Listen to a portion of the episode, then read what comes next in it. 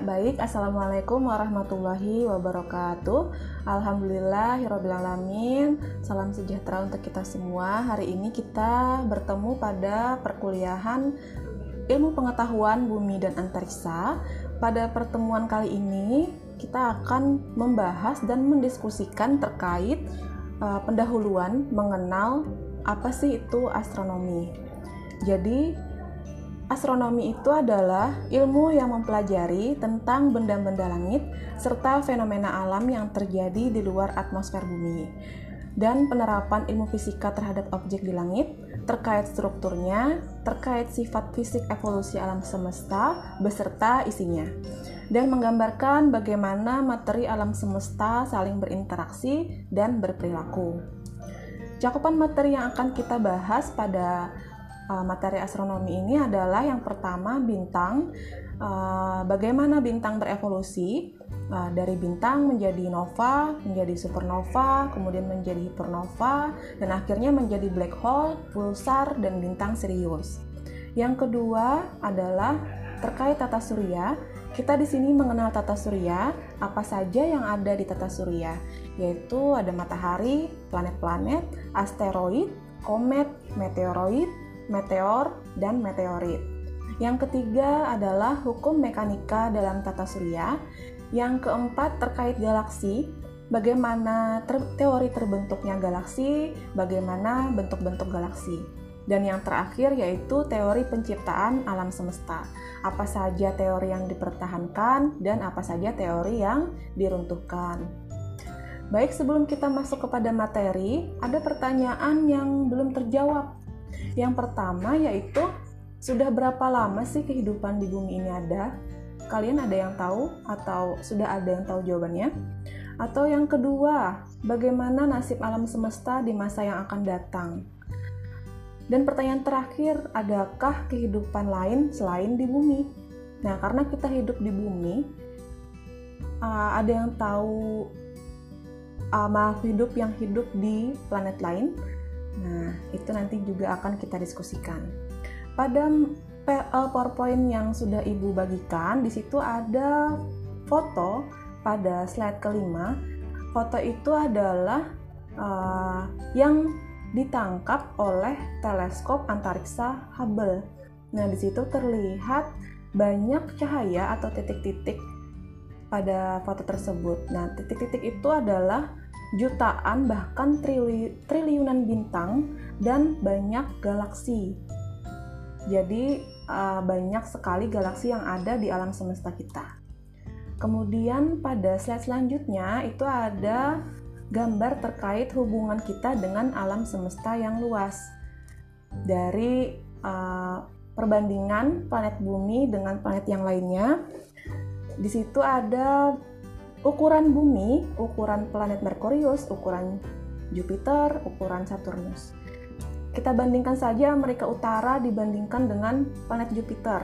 Jadi karena Jupiter itu sangat luas atau sangat besar sekali, eh, Amerika Utara ini hanya setitik kecil dari bagian permukaan planet Jupiter. Kemudian kita bandingkan bumi dengan Saturnus. Jadi kita harus menyusun dulu 6 buah planet bumi agar bisa menjadi diameter cincin Saturnus. Kemudian kita bandingkan bumi dengan matahari. Di sini ada matahari yang sangat besar. Di situ ada beberapa planet.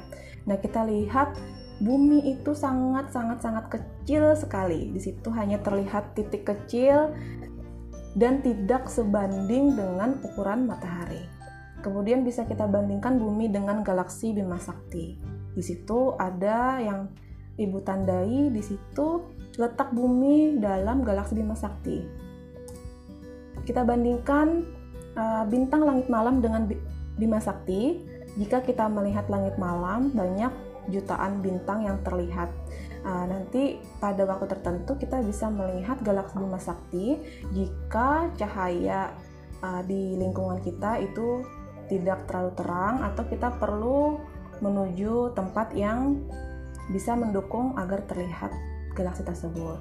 Kemudian bisa kita bandingkan lagi galaksi Bima Sakti dengan galaksi yang lain. Di sini ada galaksi Milky Way atau galaksi Bima Sakti, kemudian ada galaksi Andromeda, kemudian ada galaksi M87 dan ada galaksi IC 1011. Nah, galaksi Bima Sakti yang sangat besar ini itu masih terlihat kecil dibandingkan dengan galaksi M87 dan galaksi IC 1011 gitu. Jadi ada galaksi yang terdekat dengan Bima Sakti itu adalah galaksi Andromeda. Kemudian kita bandingkan bumi di tengah alam semesta dan bumi di antara tata surya yang lain. Jadi di galaksi kita itu masih ada tata surya yang lain. Kita hidup di tata surya yang pusatnya adalah matahari, tapi di galaksi kita itu masih ada tata surya yang lain dan ada yang menjadi pusatnya. Kemudian ada galaksi Bima Sakti di tengah galaksi yang lain.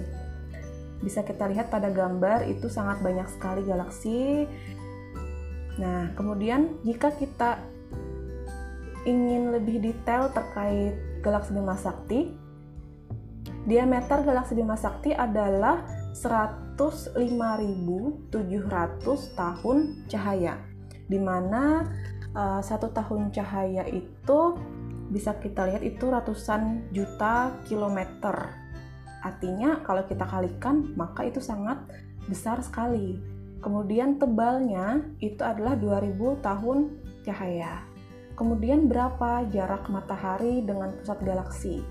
Jaraknya adalah hampir 30.000 tahun cahaya. Jadi nanti bisa kalian hitung saja satu tahun cahaya itu berapa karena kita tahu uh, kecepatan cahaya itu adalah 3 kali 10 pangkat 8 km per jam.